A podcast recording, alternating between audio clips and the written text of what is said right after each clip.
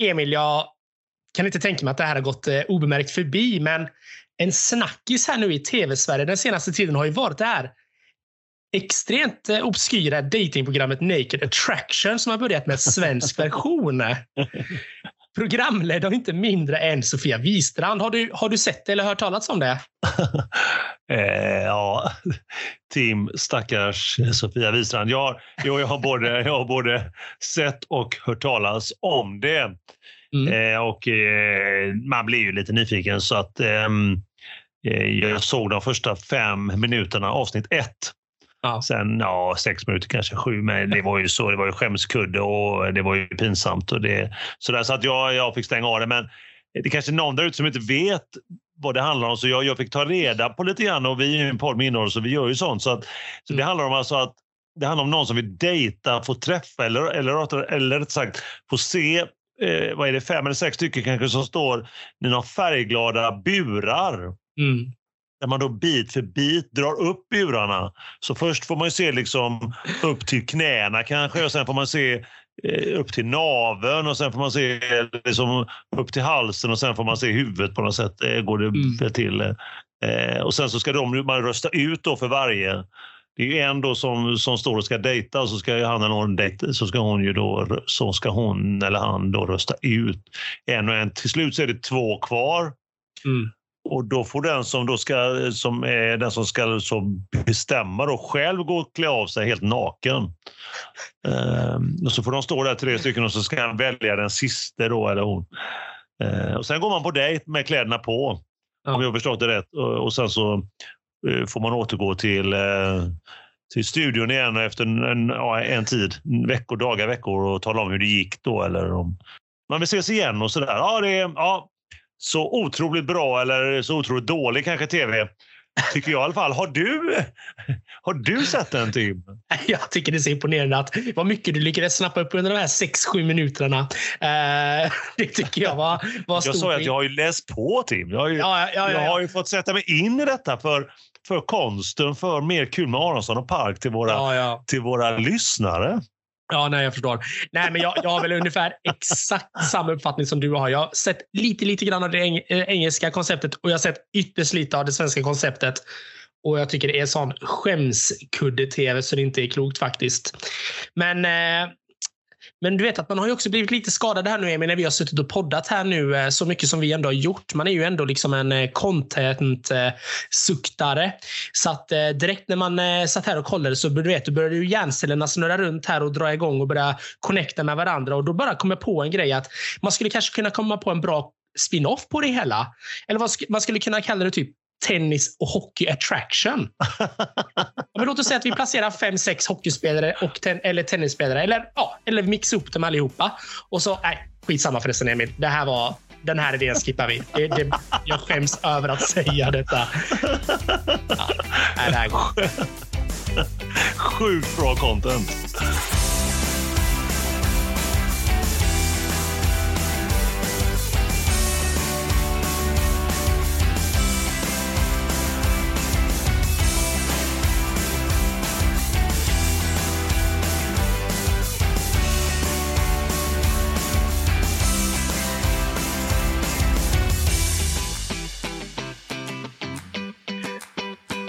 Morsning korsning, mer kul med Aronsson och Park är här igen. Vi pratar till dig och för dig i eten som alltid. Vi är här för att upplysa dig i vanlig ordning vad som har och som inte har hänt inom hockeyn och tennisens värld. Men innan vi går vidare med våra punkter, Emil, så ställer jag frågan som eh, ligger på allas läppar och i allas funderingar. Vad har du i glaset denna vackra sommardag? jag, kan ju, jag kan inte släppa Frankrike riktigt ännu. Jag kan inte släppa det på grund av Roland Garros och eh, den eh, makalösa Grand Slammen. Så att jag, jag, jag kör en äkta, en äkta fransk Cideur Äpple. Oj, oj, oj. Ja, så där är jag, um, är jag uh, helt uh, klart. Men då, uh, jag går nästan av på mitten nu Tim också för att veta vad du har i ditt så att säga hockeyglas. Ja, i mitt hockeyglas är det inte lika exklusivt som, eh, som ditt eh, tennisglas den här kvällen. Det är ingen Cedar och det är inget Äpple, utan det är en Lagur från Tjeckien. Så är mer, mer exklusivt än så blir det faktiskt inte. Det är väl hockeyöl då, om den är från Tjeckien antar jag? Det är väl en... Ja, men det skulle jag ändå vilja säga. Det var en riktigt god liten pigg, pigg lager här. Så att, ja, nej, men den sitter gott. Men Emil, en liten skål på det kanske? Ja, det får vi göra. Det får vi göra. Det får vi Gott. göra. Skål! Man vill ju, skål! Och skål till alla er där ute och eh, lämna mig aldrig törr. Avsnitt eller episod nummer 33. Dubbeltrea är i dina öron. Vi gillar otroligt mycket att ni är med oss. Vi är tillbaka. Vi har med andra ord överlevt ytterligare två veckor som gått sedan vi hördes senast. Vi hälsar dig välkommen. Kul att du hittat till vår podd och lyssnar igen. Eller helt ny eh, lyssnare. Vi hälsar eh, givetvis även dig välkommen till en podd med innehåll. Exakt, det är den perfekta kombon. Blandningen har ishockey och tennis, ingenting annat. Och vi två, Tim och jag, som är två spontana och goa experter. Vi är alltså här med poddarnas podd och ingenting annat. Mer kul med Aronsson och Park. Ja, men visst är det så. Och tack till alla er som hör av er till oss. Skickar meddelande, ringer, messar, skickar brevduvor, feedbackar. Det är supergött att ni gör det och jätteroligt att ni är aktiva och vill prata med oss. Vi finns också på Instagram. Där dyker in lite DMs ibland. Och vad heter vi där, Emil?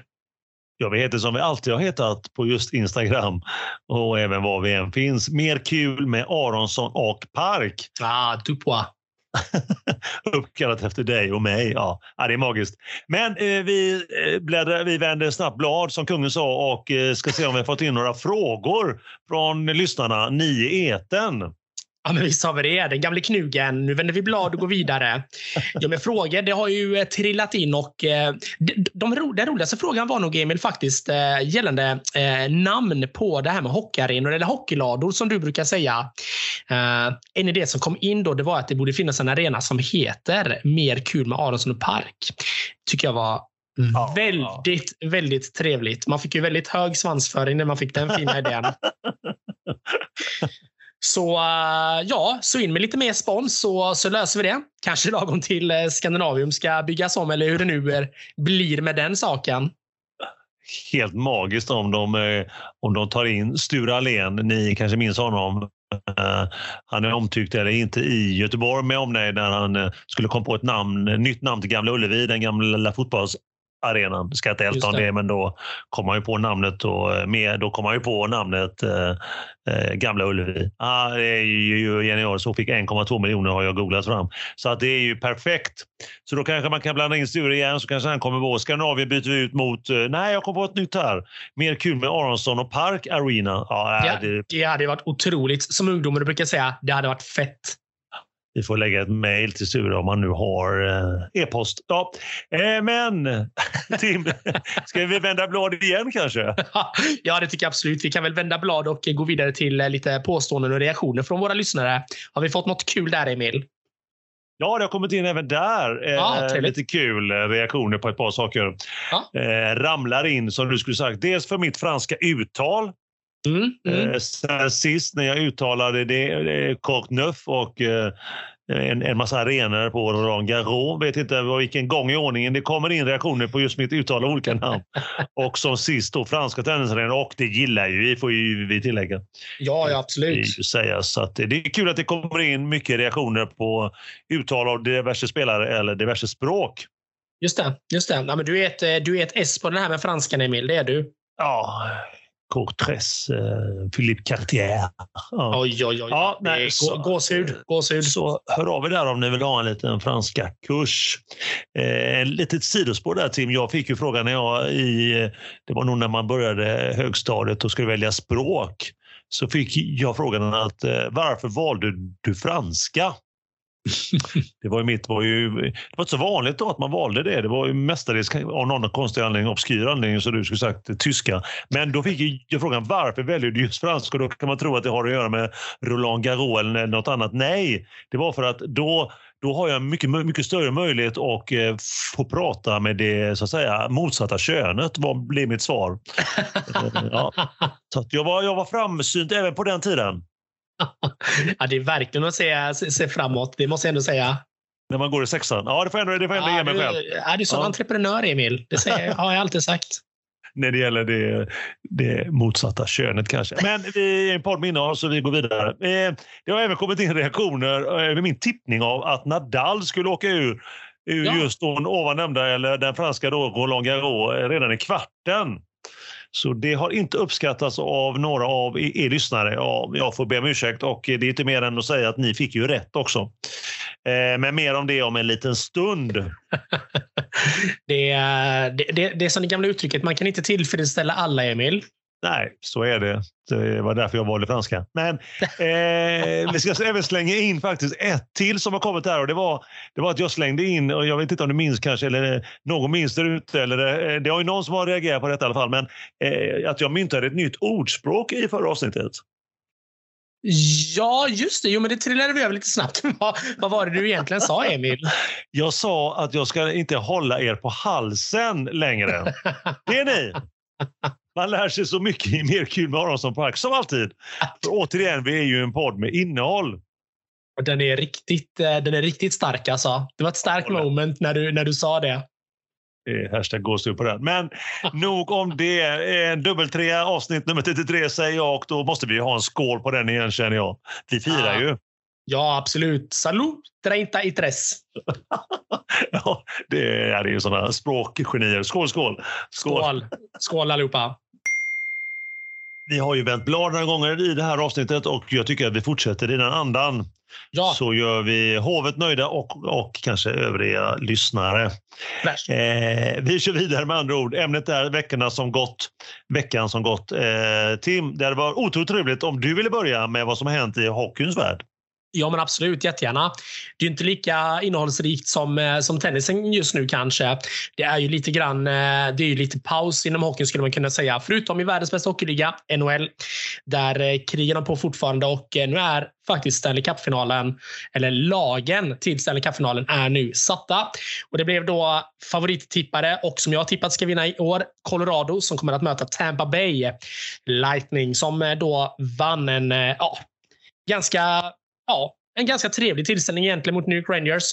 Uh, slutar 4-2 i matcher efter att eh, Rangers faktiskt knep de två första pinnarna. Eh, då trodde man väl att eh, Rangers kanske skulle ha en bra chans, men eh, Tampa Bay som har vunnit eh, två år i rad Stanley Cup här nu vände och sedermera vann då mot Rangers och är nu i sin tredje raka final. Så det blir ju spännande att se hur, hur det kommer att arta sig. Men jag står fast vid mitt tips, Emil. Jag är så stark i min tro över att det är Colorado som kommer att ta detta i år. Du är ju en tippare av rang, så att det gör du fullkomligt rätt i. Ja, men visst vet du. Sen tänkte jag ta upp en liten grej här med dig, Emil. Och för alla som sitter och lyssnar också för den delen. Men vi har ju haft lite övergångar som har varit lite spännande här. Eh, vi hade ju till exempel en övergång till Frölunda där Olle Leskinen, back från Finland, eh, dök upp. Han har nu skrivit NHL-kontrakt och lämnar redan nu Frölunda för att spela NHL nästa säsong. Så Oj, det, att, eh, det gick fort. Noll matcher och så är han redan iväg till NHL. som jag brukar säga, talangfabriken Frölunda bara vidareutvecklar spelare så att de behöver inte ens spela matcher. De bara går vidare direkt. Starkt, tycker jag. ja, det... Otroligt spännande. Eh, dagen innan dessutom, eh, dagen innan deadlinen för NHL att faktiskt eh, knyta, ihop, eh, knyta till sig spelare från, eh, från Europa. Eh, deadlinen är ju idag när vi sitter och spelar in Emil, onsdag den 15 juni. Då har NHL alltså deadline för att eh, kontraktera spelare från Europa. Och ja. den 14 då, alltså igår, då skrev de på ett avtal med Olle Leskinen och då försvann han från Frölunda. Så att, ja, vi önskar eh, klubblegendaren Olle Leskinen stort lycka till i NHL och Montreal såklart. Ja, det är klart. Ja, men en liknande grej hände faktiskt här också i svenska ligan och det är ju att eh, eh Eh, den Malmöratade spelaren Kalle Östman eh, blev ju kontrakterad av eh, Väst, Västerås. Men det blev inte några matcher där heller, utan han blev nu kontrakterad av Leksand i dagarna, så att nu är han i Leksand. Ja. Oj, oj, oj. Leksand som då har löst ut honom från eh, sitt kontrakt. Och Det är ju alltid lite spännande det där tycker jag. Att man, eh, att man har så dålig framförhållning att man eh, först går med på att skriva ett kontrakt med ett, med ett lag i Hockeyallsvenskan för att sen hamna tillbaka i SHL. Jag vet inte riktigt vad, vad tycker du Emil med de, med de kontrakteringarna? Jag tycker det är jättekonstigt att man, att man inte har bättre framförhållning. Eller ja, lite mer is i magen. Ja. Mm, det är det ju. Men man vill väl, eh, man vill väl se om sitt, så att säga, sitt bo Såklart, såklart. Eh, och så vill man väl, det är det som gör det, så tar man någonting för att ha någonting men man mm. vill hoppas på något bättre eller något annat kanske. Ja, ja. Så att, men, men visst jag... är det ingen schysst, ingen schysst inställning mot eh, klubben givetvis. Nej. Så, så är det. Nej, men jag, jag, är helt inne på din linje där Emil. Att det, det, är klart att eh, man vill som sitt eget bo och vara i den bästa miljön där man kan få spela med den bästa, i den bästa ligan eh, och kanske tjäna lite mer pengar också givetvis. Jag förstår den biten. Mm. Men jag tycker att det blir så konstigt bara. Det blir så konstiga signaler i min värld när man skriver på ett kontrakt i, i eh, mars, april månad och sen i, i mitten av juni så lämnar man. Mitt i, mm. liksom, mitt i träningsupplägg och man kanske börjar sätta sina trupper och såna här grejer och så bara lämnar man. Äh, ja, um, är lite, svårt, eh, lite svårt för just den delen kanske. Ja, det är inte schysst. Det är ju helt klart inte schysst. Det... Nej. Nej, det är det inte. Det är det inte. Men utöver det så har ju faktiskt Leksand eh, tappat ganska många spelare nu när vi hamnade på, på snacket om Leksand. Det är ju så att de inför eh, kommande säsong har tappat nio spelare. Men sex av de här nio spelarna hamnar i NHL. Det får man ändå se som ett stort eh, Ja, det är ju jättestort för Leksand att så många spelare har liksom vidareutvecklats och hamnar nu i NHL då såklart. Ja, det är klart. Det är klart. Det är uh, intressant att se hur Leksand hur de tar det. Ja, det blir väldigt spännande. Ja, men faktum är ju det att nu ska ju eh, vad är det, ytterligare fyra forwards och en back ska in till Leksand. Mm. Innan truppen är satt, eh, ser jag här nu på deras hemsida. Så att, äh, det blir äh, spännande. Det, de behöver ju absolut äh, krydda säkert med äh, något eller några äh, namn till. Sen skulle jag väl tro att äh, säkert äh, Rivik, denna succéspelare, har ju säkert har ju säkert något kontrakt på G med Leksand, men just nu kan jag inte se det här. Så, att, eh, så det är väl det jag har kring eh, övergångarna. Mm. Uh, sen vill jag inte heller förglömma att berätta att svenska landslaget för tjejer U18, de spelade precis hockey-VM här men eh, det gick inte, gick inte hela vägen. Ehm, USA och Kanada är ju fortsatta stormakter inom damhockeyn, eh, så även på juniornivå. Eh, men de tog i alla fall en fjärde plats efter att ha förlorat mot ja, våran nya antagonist, känns det som, Emil, Finland. Har det gått upp bra mot Finland? Nej, det känns inte som att det är vår grej alltså. ja, men det, ja, Finlands ja. sak är vår. Ja. Finlands sak är vår, men precis. Men jag vet att vi nämnde det för någon, eh, något avsnitt sedan. Så nämnde vi att Finland verkligen är på frammarsch. Eh, det var inför eh, tippningen av hockey-VM som vi var inne på det. Att Finland verkligen är på frammarsch här nu och spelar väldigt, väldigt bra även på juniornivå. Så att man är väl kanske inte heller helt, man är lite heller kanske helt chockad över att de, att de vinner. Nej, men du, eh, du hade väl tippat Finland? Va? Nej, det, var, det var herrarna det. Var det var her, herrarna. Jag har, faktiskt, jag, har faktiskt inte, jag har faktiskt inte tippat eh, U18-VM. Det har jag inte gjort. Jag har, jag har lite för dålig koll och det är inte bara på damsidan utan även eh, pojksidan har jag dålig koll när det gäller just eh, juniorhockeyn. Jag ska skärpa till mig. Det får bli ett, eh, ett eh, sommarlufte som jag ger där ute i eten ska bli spännande när du börjar, eh, när du börjar tippa juniorligorna och så. Det ska bli spännande. Det ska ja. bli sjukt spännande. Ja. Ja. ja, men så är det. vet du. Men eh, Emil, min bästa sida vill med ett eh, mål i krysset kryssa över till dig och med nätrullare lämna över både puck och boll till dig om vad som har hänt i tennisens värld. Emil, mm, varsågod. Kan, ja. Tack så mycket. Tack så mycket. Det kallar jag ordspråk. Oh. Eh, otroligt mycket bättre ordspråk som du bara, bara klämmer fram så vackert. Ja, men jag hade den på känn. Den bara låg där och bara mm, ville ut. Kryssa över med nätrull. Ja, det är puck och boll. Ah, ja, ja, ah, jag har lärt så himla mycket de här avsnitten vi har gjort, Emil, om tennis. så att jag bara kunde bygga ihop det här. du är en, um, du är en poet, helt klart. Ah, asch. Ja. Ja, du, det, det märks att du är pappaledig och har mycket tid över och funderar på viktiga saker här i livet. Helt klart. Men, tack för det Tim. Ja. Och jag, tar, jag, tar den, jag tar då den nätrullaren och oh. Och tar hand om den på bästa möjliga sätt med en vacker, nästan orörd tennisboll. Jag vill givetvis avsluta och runda av den fantastiska Grand Slammen i Paris i skogen utanför där, givetvis då som vi kallar den Roland Garros. Eh, och vilken turnering det blev, vilka matcher, vilken grustennis eller vilken eufori, skulle jag nästan vilja ta i de starka orden. Ja, det var det. För att sammanfatta det hela så kanske ni minns eh, sist när vi lämnade så var det, hade vi precis inlett kvartsfinalerna här för två veckor sedan.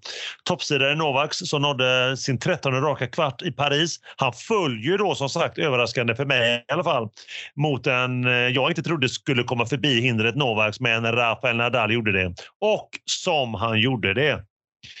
Eh, men såg man matchen så kunde man ju ändå sådär med facit i hand i alla fall säga att man förstod tidigt i kvarten varför han inte skulle vinna. Det blev så sjukt tydligt. Det ser ut som att han, han vet hur han ska spela, hur han ska slå, hur han ska hantera bollen, men han gör det ändå inte. Mm -hmm. Han slår liksom inte igenom slagen. Ja. Det är liksom att du, om, du, om du kan tänka dig att du, du häller över pannkakssmet i pannkaksstekpannan eller pannan och så rör du inte runt. Liksom. Du vet att du ska röra runt så pannkakan blir rund. Du vet hur du ska göra det, men du gör det inte. Utan pannkakan blir lite sådär halvkonstig. Och, inte, och så vänder du den för tidigt, den är inte klar på ena sidan. Ja, du vet, och sen glömmer du den på nästa sida. Alltså, den blir inte bra pannkakan och så är det just nu att se Eh, det är som att, han liksom inte tror på sig själv, Novaks, när han spelar. Det är alltså mm. som självförtroendet är som bortblåst tyvärr. Och det, det gäller liksom mot alla spelare, men, men de flesta vinner han ändå emot för att han är så pass bra. Och de andra spelarna har ju så mycket, så mycket mentala spelet gör att han ändå vinner dem. Alltså, han är ju ett överläge. Det är så, men det är så tragiskt att se hans spel just nu. Det är, så, det som låser sig. Ja. Tråkigt. Ja, det är otroligt tråkigt att han är så liksom begränsad i det spel han försöker utföra. Ja, mm. ja men, men eh, det var som jag sa sist, eh, han ser stabil och tråkig ut och det är det han är. Han är stabil och tråkig.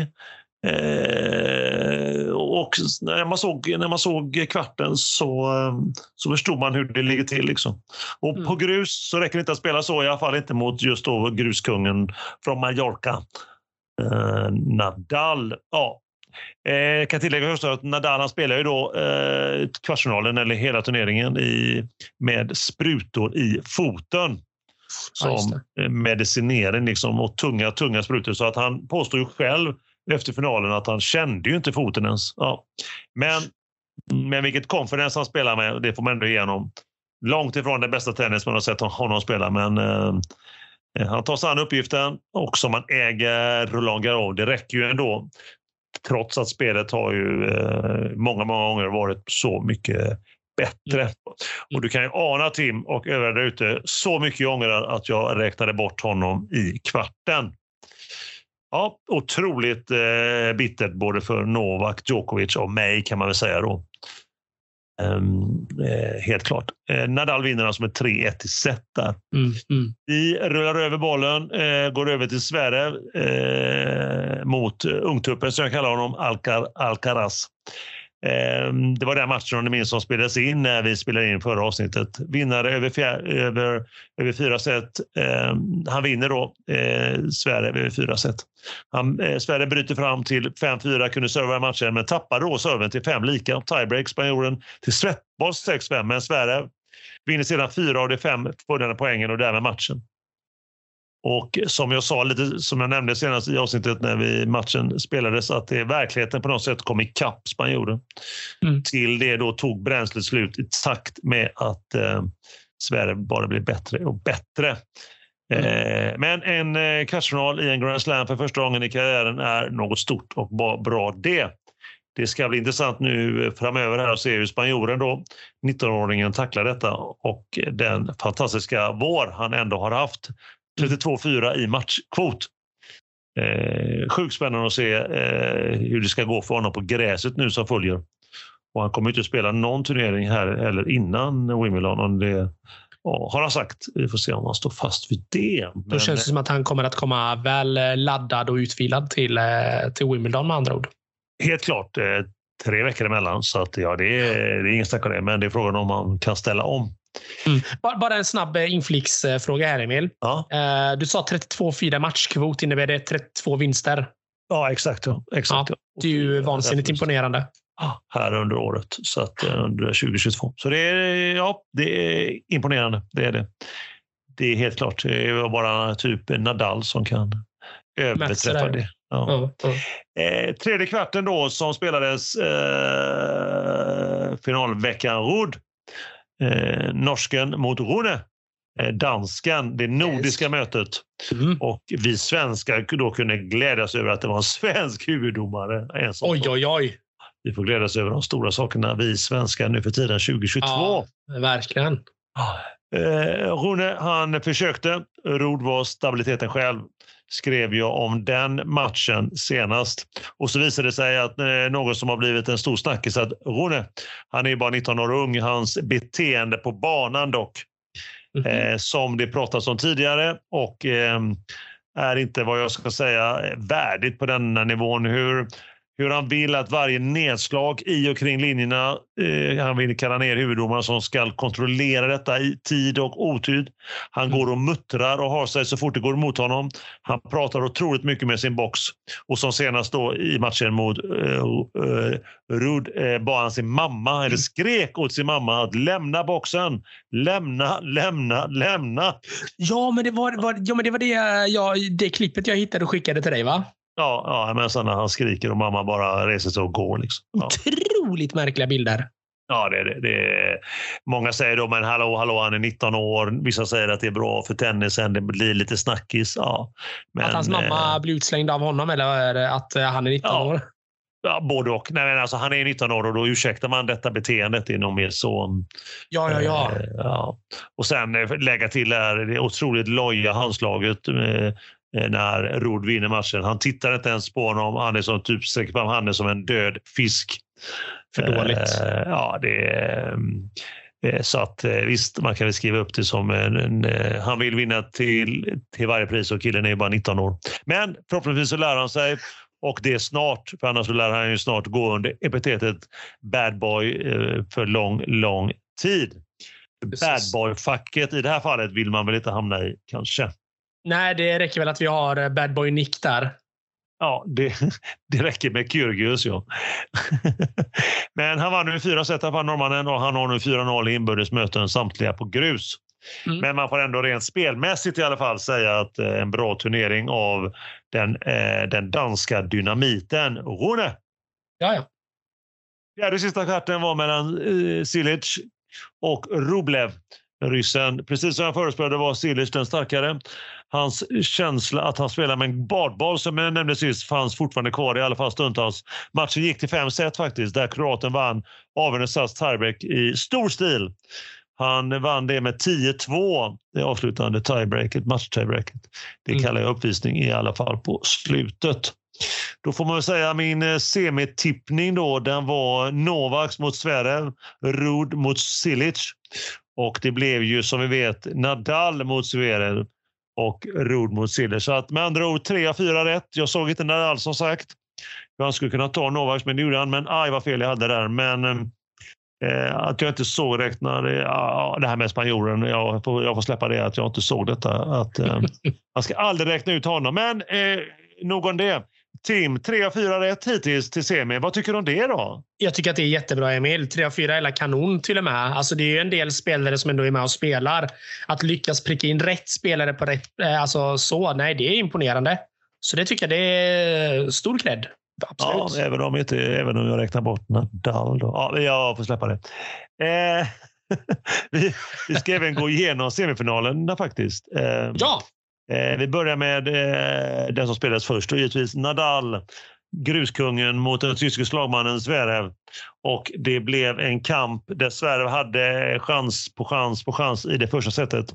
Mm. Fyra setbollar till och med i tiebreaket.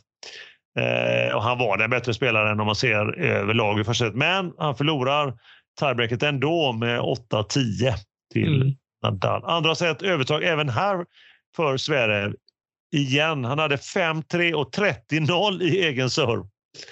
Och han hade 0-30 i Nadals nästa servegame vid 5-4, så han var två bollar ifrån. Mm, och vid mm. 30 lika i det servegamet så har han en upplagd smash den, den eh, ondsinte tysken. Men den går otroligt långt ut. Ja, så det var Oj, extremt ja. nära mm. eh, setboll. Men vid 6-5 till Sverige och 40-30 i Nadals serve händer det. Tysken är bakom bosslinjen och glider på gruset ut i forehandhörnet. Då viker sig foten under honom och han ramlar, sätter sig på den. Ja, Sverre faller ihop och skriker. Du kanske har sett det. Läkare in, Nadal fram, rullstol in och Sverre rullas ut ur arenan med en gång. Inget prat med huvuddomaren, ingenting. Han bara rullas ut. Han har så otroligt ont och kvider. Och Nadal står och tittar på honom och övriga, övriga tv-tittare och de på plats bara är helt häpna och sitter och tittar. Tio minuter senare ungefär så kommer han in, då på kryckor och vinkar med kryckan och tackar för sig. Ja. Så han bryter alltså matchen. Du har kanske sett bilder, sett några klipp och ni där ute också övriga har väl eh, kanske sett också en del från detta. Ja, det otroligt eh, trå tråkiga scener. Verkligen jättetråkigt. Ja, det är mycket, mycket tråkigt att se eh, en skada på det sättet. Ja. Eh, och med min eh, jag skulle säga skoltyska, men jag har aldrig läst tyska så har jag tagit reda på nu på tyska medier att eh, det visar sig att det som hade hänt i foten att tre laterala ligament i höger fot var är sönderslitna. Aj, aj, aj. Ja, oklar tid för konvalescens på det. Blir borta ett tag kan man ju räkna med. Eh, gör nog gott för honom kanske att eh, fundera igenom sitt sätt att banka skiten i diverse domarstolar och annat kanske. Ja, men, men, eh, men eh, underbar, underbar parallell. Ja, då har du skadat foten. Du kanske du kan tänka på att inte hota domaren. Ja, jag gillar det Emil. Jätte, jättebra kanske ska fundera på det och andra saker som man slår på. Men, men, eh, kan det vara extremt, karman här nu? Det var karman som stavas ha. Nej, eh, ska vi se. Mm, extremt tråkigt avslut. Ska jag säga.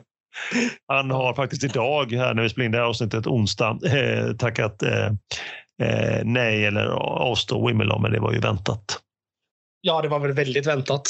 Ja, att, hur, eh, hur länge blir han borta nu då? Var det inte Jonas Björkman som sa att det här ser inte bra ut? Det här ser inte bra ut. Nej, han sa så här Eurosport i Discovery eller Eurosports sändning. Så han, ah, minst tre veckor, sa han ungefär fyra minuter efter han hade, ah. hade skadat sig. Ja, det tyckte jag, jag, visste inte att, tre. jag visste inte att Björkman hade doktorerat i liksom, eh, som, som läkare. Sjukt imponerande att kunna se det på de bilderna läkare då via tv-skärm också får man ju, ju tillägga. Det är det senaste. Först kom ju, kom ju läkare man besöker, sen kom en nätdoktor, appdoktor mm, mm. och nu kommer även, nu kommer även eh, eh, till, sport, eh, sportskärmsdoktor. Ja. Just det. Just det. Så att, ring, eh, ring Björkman. Ring Jonas Björkman ja. om man inte spelar padel eller gör någon reklam för något obskyrt eh, bettingbolag. Vad vet jag. Men, ja, men inget, ont, inget ont om honom, men skruva ner micken Björkman nästa gång du är på Eurosport. Eh, då ska vi se, vi går vidare till eh, semifinal nummer två. Eh, Rud mot Silic då. Ja. Det här var Ruds första någonsin final i semifinal i Grand Slam. Första semin i Grand Slam någonsin. Mm. Eh, han har eh, åtta titlar, har han, eh, varav sju på grus.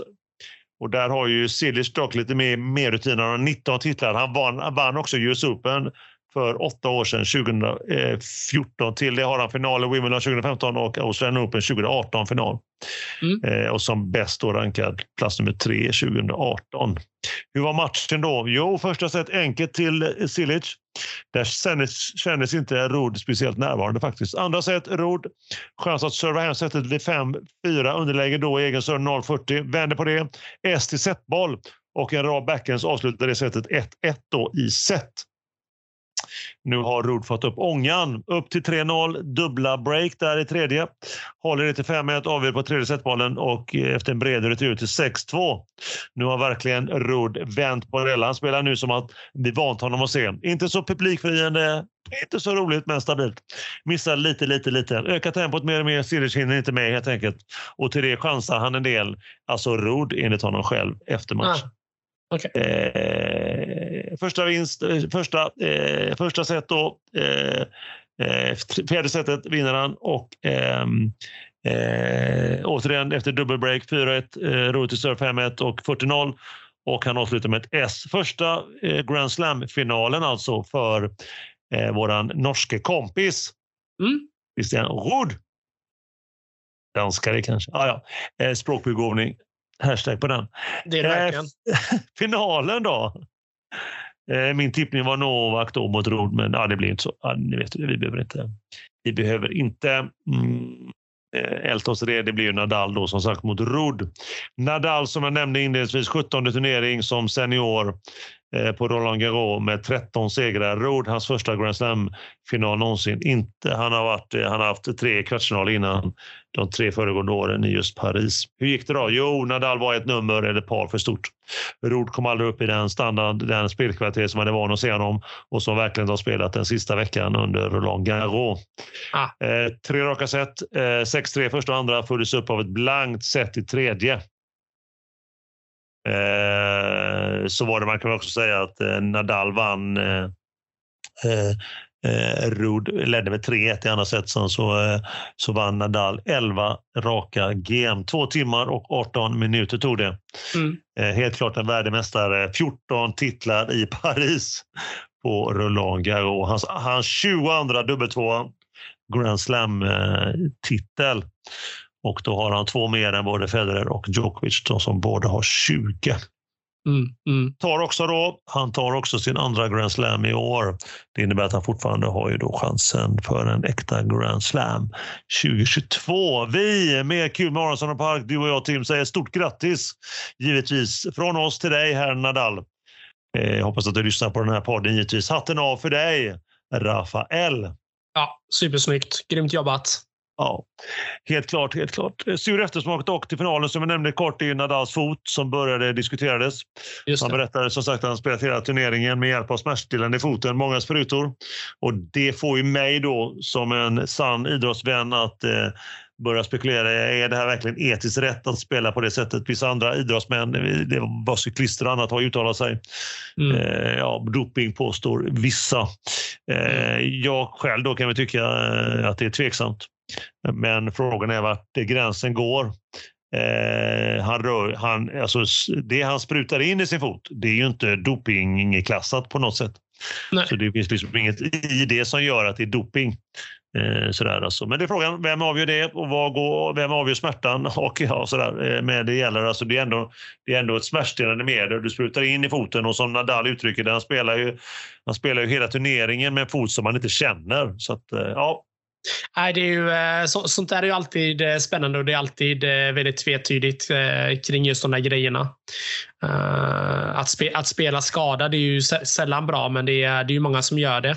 Det var till exempel nu under eh, hockeyslutspelet här nu i år som spelade med en, spelade med en bruten fot. Gick på sprutor. Ja, ja. En som spelade med ett, ett avdraget korsband spelade på sprutor. Så att, eh, nej, jag håller med dig Emil. Det finns en moralisk aspekt. Och den är ju verkligen hårfin i den här, situationen kan jag ju tycka. Ja, det är det. det, är det. Men tänk vilken... Alltså man, det är ju det en- det ena sidan av det. det. Det andra är hur... Det andra kan man ju se det, om man kanske väljer att se det då, men med tanke på att det Mm. är ju ingen doping. Men hur, hur hängiven man är sin sport. Hur dedikerad man är. När man ändå liksom går så långt som du säger med hockeyn där med, med fötterna och nu då, då Rafael, när man, liksom, man Ja. går så långt och utsätter sig för den faran som kan göra. Liksom, det var ju någon doktor som hade uttalat sig här med med spanjorerna att han, han, han liksom spelar ju med foten som insats. Det kunde gå så illa så att han aldrig kan, han aldrig kan gå på foten längre. mer. Liksom. Nej, men det är ju lite det, är lite det som är. Men det, det är väl det som skiljer eh, deras eh, inställning mot någon annans inställning kanske man skulle kunna ta och säga. För att jag menar, det är ju imponerande att de är villiga att gå så långt. Men jag håller ju helt och hållet med dig Emil. Det är ju helt, eh, helt galet givetvis. Ja, ja, ja. det är det. Vissa, vissa, eh, vissa kan, inte, kan inte jobba eller gå till jobbet på grund av nageltrång och andra spelar. Ja. Nej, men det är klart att det är skillnad. Det är ju, ju helt klart. eh, Det är lite olika, lite olika ambitionsnivåer. Helt klart. Och, eh, och, kanske, och kanske lite andra pengar om man får dra in den tråkiga aspekten Ja, också. det är klart att det är. Det, det är klart att det är. Det är klart att Nadal tjänar ju inte 22 000 i månaden. Eh, Nej, så är det ju. Han, han, kan, han, kan ju, han har ju tjänat så mycket pengar i sitt liv så att han kan ju köpa en ny fot om det skulle ja, krävas. Så är det ju. Och, ja. eh, men sen spelar han inte för pengarna heller. Han har nu spelat så länge och dragit in så mycket pengar. Ja. Eh, så han spelar inte för pengarna. Så att, ja, det, nej, nej, ja, det, men det, det, nej, men det är härligt med de som bara spelar för att det är kul. Det är underbart. Ja, det är härligt. härligt. Men, men jag vill sammanfatta turneringen för alla, för dig Tim och övriga. Eh, som jag sa innan, mycket stor underhållning, högklassig, många sevärda matcher. Eh, på tillägga då lite kuriosa, 14 av de sexa spelarna i åttondelen var sidade. Sju av de åtta i kvarten, det var bara Rune som var det sidade i så att säga, kvartsfinal. Bara en, en sån sak. Eh, jag mm. älskar upplägget också med kvällsmatcher. De spelar nu på eh, Roland Garros eh, spelar kanske när Eliusen kom för några år sedan så är det fantastiskt. Ja. Eh, matcherna börjar ju kvart i nio, är ju sagt, och börjar ju eh, ibland även efter nio. Så det kan man tycka är alltså något sent, kanske någon timme tidigare där, för nu spelar man ju allt som oftast, eh, speciellt när Nadal spelar en bra bit över midnatt.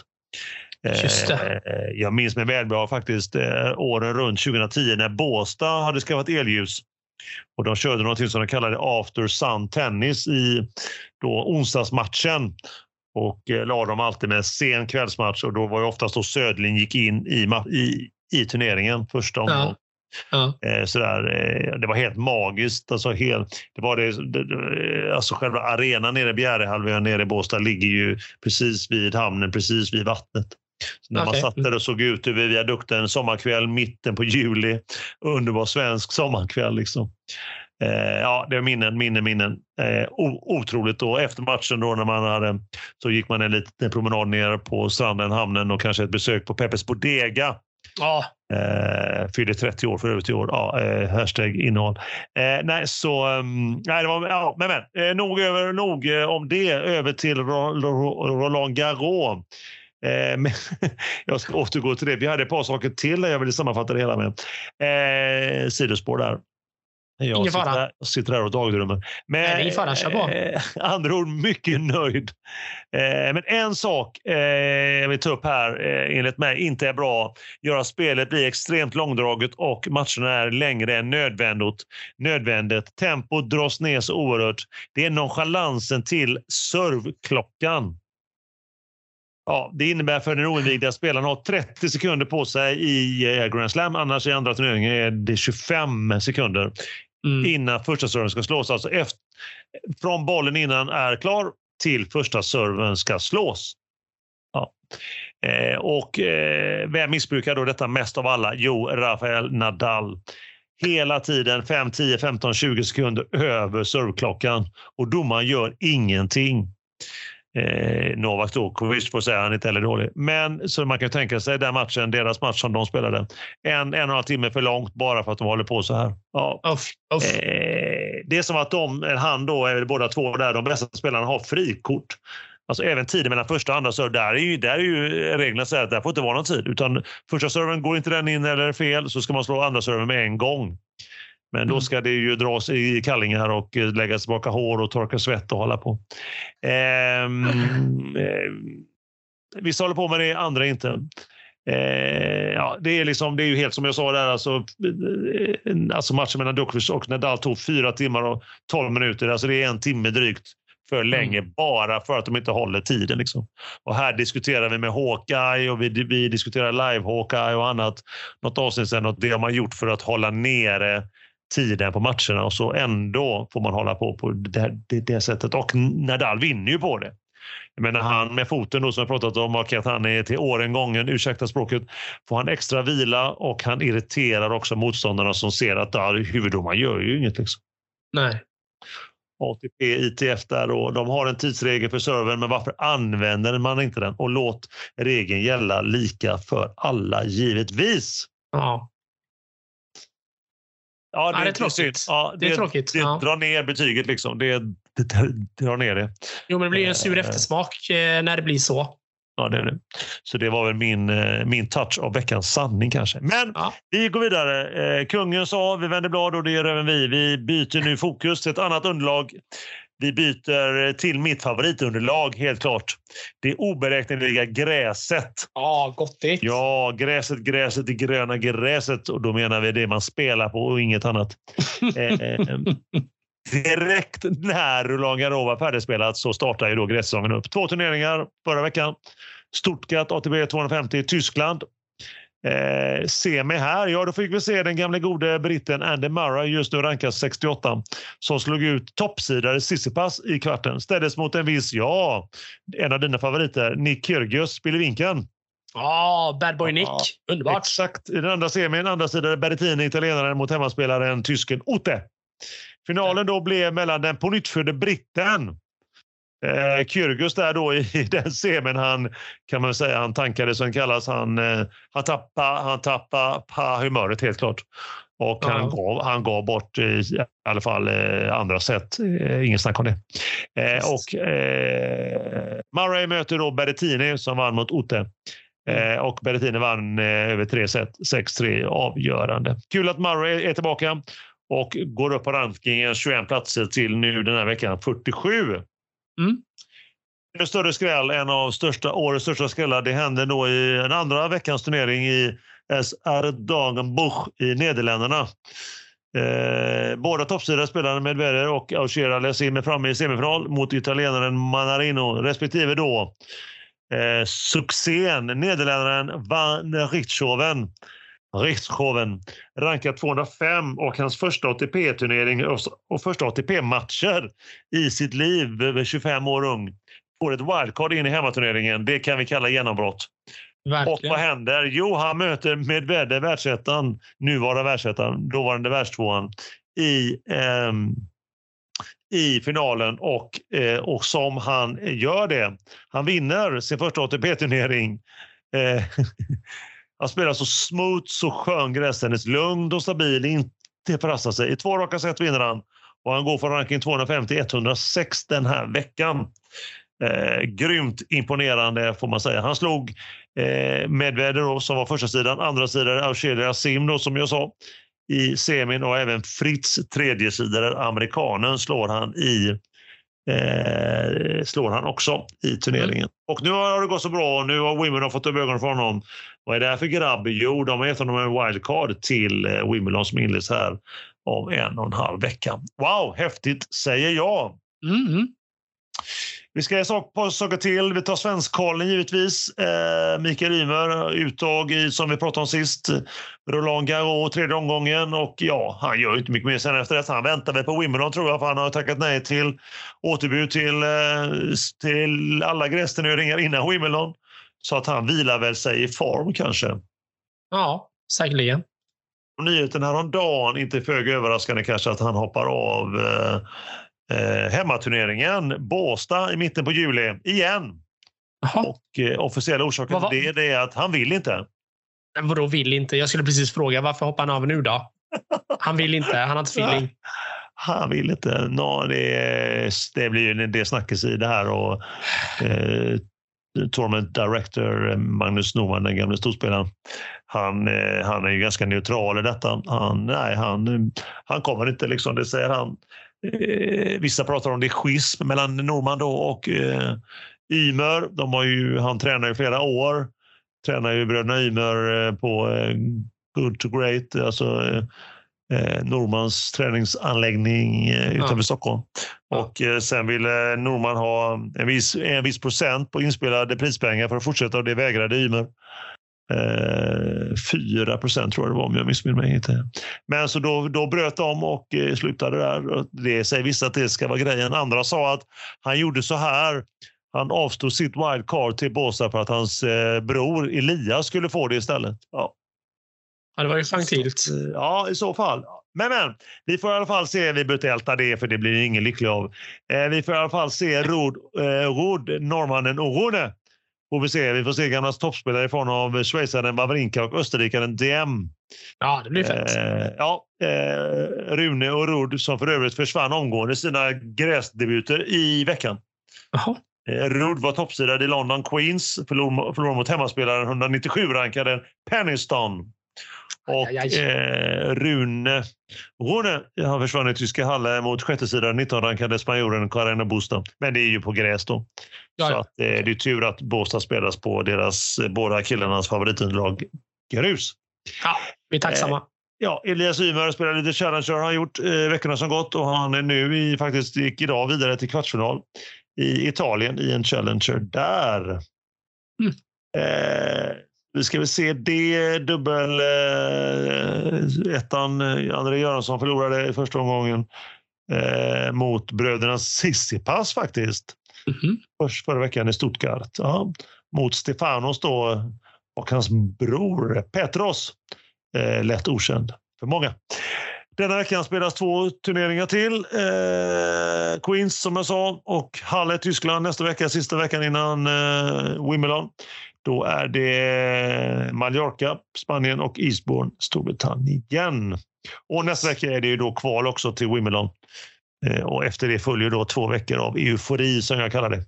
Vi pratar då givetvis, som jag varit inne på, ett årets tredje Grand Slam Mm. i eh, London, denna anrika turnering. Min favorit. Bara namnet, The Championship Wimbledon.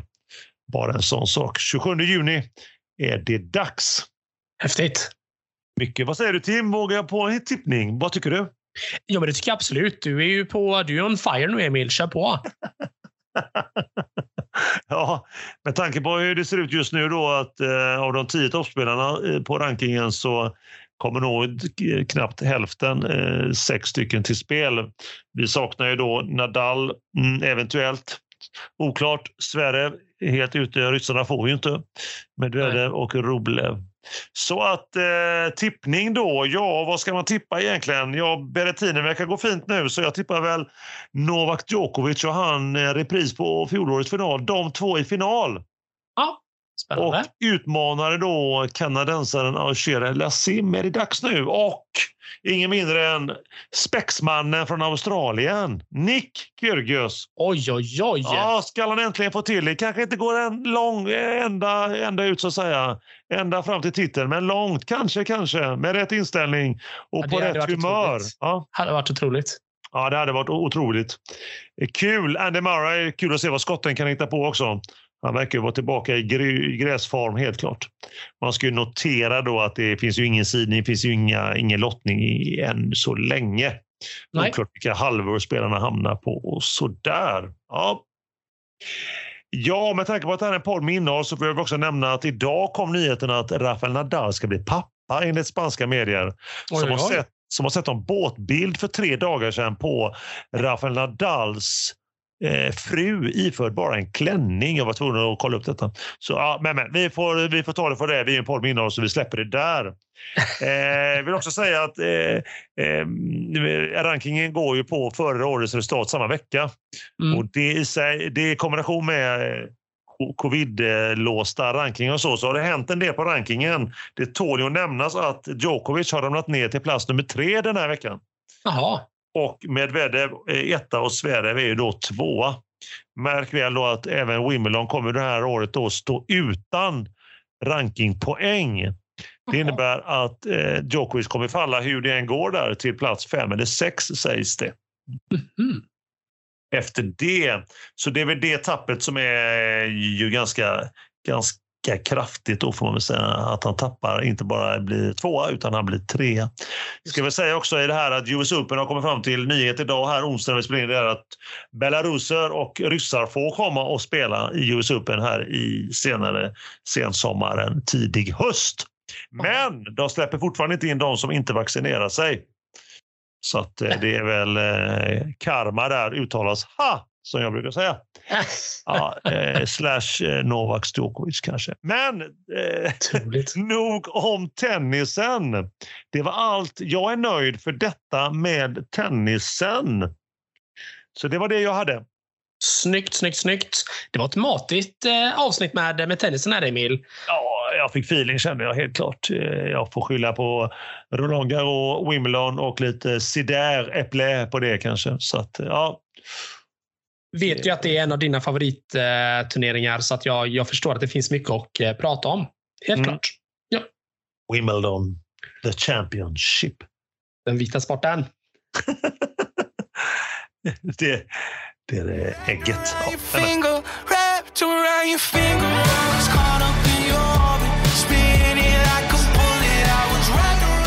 Så här är ett eh, klassiskt eh, jubileumsavsnitt och dessutom sista innan eh, vårt sommaruppehåll så är det dags för ännu ett favoritämne, veckans snacks. Och vad handlar det om då? Jo, vi ska prata här om vad vi äter och dricker i och kring matcher och andra händelser i våra sporter. Vill du börja Emil? Vad äter du och ja, eller dricker du så här över sommaren när du ska titta på tennis? Ja, eh, jo, eh, ja. Eh, Tackar för den. Eh, fint ämne för övrigt. Härligt, härligt. Äntligen tillbaka. Veckans snacks. Ja. Och nu har vi utökat det, är det väl, om jag inte missminner mig, till även dryck. Det tycker jag är stort av oss att vi, vi tar nästa steg i det här ämnet. Ja, stort. Det är så vi rullar, Emil. Det är ja. inget nytt. Vi står aldrig still på en punkt utan vi vill hela tiden bli bättre och bättre. Och bättre. Precis, precis. Eh, jo, det verkar så fint tennis som ni har förstått då från eh, Wimbledon. Då kommer givetvis bli en och annan jordgubbe tillsammans med en klassisk champagne. Lanson var annars. Ja. Ja, så det blir jordgubbar där kan man säga, även snackset och det dryckbara då är champagnen. Eh, till det klämmer nog jag ner en eller annan, kanske flera, allt för många kanske skulle vissa säga, ett par äkta Pims Cup som vi tidigare avsnitt för cirka ett år sedan har pratat om. Denna fantastiska dryck som jag vet att även du har testat. Tim, Ja, oh ja. Jag fick ju sån himla feeling när du pratade dig så varm om det senast. Så det, det stämmer. Det stämmer. Jag tog en faktiskt här förra veckan bara för att få rätt feeling kände jag. Det var med ginger ale och Pims Cup och så var det ju is. Ja. Det var lime tog jag i, lite citron, jordgubbar, gurka. Mm. Ja, det, var, det, var, det var mycket den. Eh, helt klart. Men vatten får jag inte glömma också. Eh, när det är varmt ute och jag vill ha rätt fokus så är det ju vatten som gäller. Det är klart. Eh, maten då, jo det blir ju då skruvar, potatisskruvarna. Ni vet de där smaklösa från OLV. Som vissa kallar smaklösa i alla fall. Och, helt en, och en och annan salt pinne så här på sommaren för att få upp eh, saltet. Och givetvis popcorn. Ja, ja. Men du då Tim, vad blir det för dig när du ska hålla koll på Stanley Cup och alla övergångar under, under sommaren? Till det kanske försäsongsträningen i augusti när det är dags att gå på is. Ja, men exakt. Nej, men du vet, I sann anda så uh, är det ju bara en sak som gäller och det är att uh, käka puck och uh, käka tandtråd som, uh, som gäller. Nej, skämt åsido. Det kommer bli lite annat uh, utöver det också. Jag ska ju faktiskt på lite semester här nu snart i, till, till Österrike, så det kommer väl bli en och annan god lokal öl. Där tänker jag i samband med att jag eh, håller stenhård bevakning kring hockeyn och vad är det som egentligen kommer att hända där. Det kommer ju också bli en del nattgnuggningar här nu då eftersom eh, Stanley Cup-finalerna spelas 02.00. Denna fantastiska episka tid på dygnet. Och eh, Det kommer då innebära att eh, det kommer inte bara bli det kommer nog inte bli så jättemycket eh, alkoholhaltiga drycker. Det kommer nog bli eh, en och annan espresso däremot. Eh, för att kunna hålla sig vaken. Och givetvis då puck. Och när jag inte käkar puck så tänker jag att det blir nog någon god, någon god Marabou-choklad när vi ändå är inne på, på, på temat där vi nämner de som inte sponsrar oss. Så, att, så det är väl det som, det är väl så det ser ut hos mig i alla fall när det gäller veckans snacks, Emil. Marabou säger du, får jag sticka in där lite? Här? Får jag komma in? Eh, vilken smak vad, vad går hem i den timianska stugan? Nej, men du vet, jag får ju ofta höra att eh, jag har väldigt eh, gubbig eller tantig smak när det gäller godis. Eh, mitt favoritgodis är ju till exempel Marianne och det anses ju då vara gubbigt. Eh, tråkigt att folk tycker så, tycker jag. Men, eh, men så är det. det är pensionärs eh, godiset ju. Inte ens här kommer jag undan. Trevligt att höra. Kul. Hashtag Anton Berg. Nej, men, ja, kul. Nej, nej, men eh, så det kommer nog bli något sådant. Eh, men du frågade mig vad jag gillar för Marabou. Jag gillar ju frukt och mandel. Ja, ja, ja frukt och mandel. Ja. Frukt och mandel eller en god mintkrokant kanske. Ja, ja, ja. ja. ja. ja det, det är någonstans där. Men du får testa potatisskruvarna från OLV. Smaklösa enligt vissa. Ja. Ja, nej, men det ska absolut ha att göra. Jag vet ju, du har ju faktiskt lärt mig Emil, att man ska inte, man ska öppna påsen en stund innan så att det får dra sig lite och få lite luft i sig. Ja, du släpper ju den, eh, den ett dygn innan faktiskt. Det är en hemlighet som jag har bevarat länge, men nu kommer den ut här då via en podd med innehåll här givetvis. Fast nu, var, ehm. fast nu var det du som avslöjade att det var ett dygn. Jag sa bara att man ska öppna den. Jag sa inte hur länge. Du släpper en lite av det och jag bara drar på helt och hållet. Inga konstigheter. Jag, jag, Jag klipper upp den. Jag klipper upp den. För min skull får du ha, du ha kvar den. Det kommer bli antagligen en, eh, en, en tidningsgrej av det imorgon. Det kommer, det kommer bli en snackis. Du får nog stänga av telefonen Emil nu när du går på ledighet här. Ja, jag har redan stängt av den faktiskt. Så ja. det, ja. Men ännu en gång Tim, ett mycket intressant ämne. Vi lär oss så mycket, så mycket lärdom och så mycket content. Som vanligt. Bling! Bling! Bling! Då Tim och övriga Eh, Tim har ju redan sagt någonting om detta. Han har ju sagt det i förbifarten mellan raderna. Det vankas sommaruppehåll för denna podd. En av de få poddarna med innehåll, om vi får säga det själva. Vi tar nu sommarlov och är tillbaka med ett nytt avsnitt, en ny episod torsdagen den 18 augusti. Lägg nu in det i kalendern. Skriv upp det på kylskåpet och lägg in det i Outlook vad ni än gör.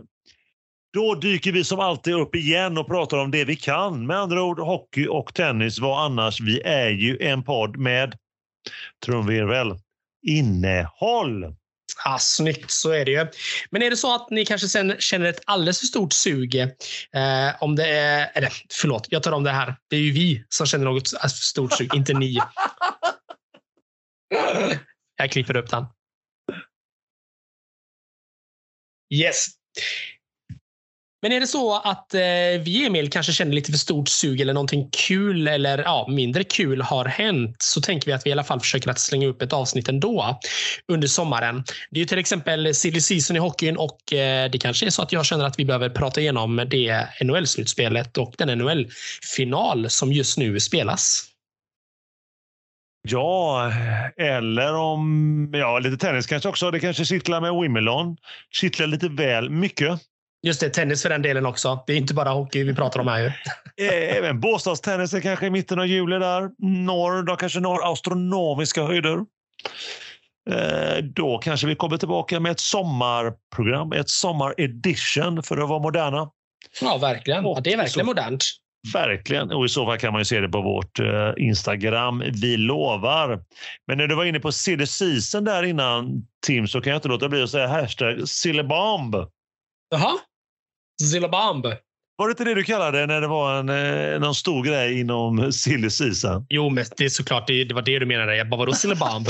och så säger du sillybomb och jag bara, va? Vad pratar han om? Nej, ja absolut. Sillybomb. Det beror ju helt och hållet på vad det är som dyker upp. Det ska vara något extremt stort, känner jag i alla fall, för att man ska släppa mojiton och solstolen och playan.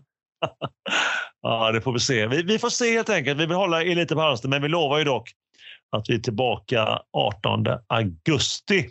Precis, vi vill absolut inte, vi vill hålla er om halsen, så är det. Det är så vi jobbar. Eh, som min franska lärare sa. Men, men eh, nu är jag nöjd. Tim, är du nöjd? Jajamensan. Nu, eh, nu går vi mot lite välförtjänt eh, sommarlov känner jag, Emil. Eller vad tycker du? Det gör vi. Sommarlov. Sommar, sommar och sol. Ja, exakt ja. Fantastisk dänga även det. Så Men det. vi avslutar väl Tim med att säga ta hand om dig där ute, ta hand om kärleken och ha det gott nu allihopa. Ha det gott, trevlig sommar. Hej, hej!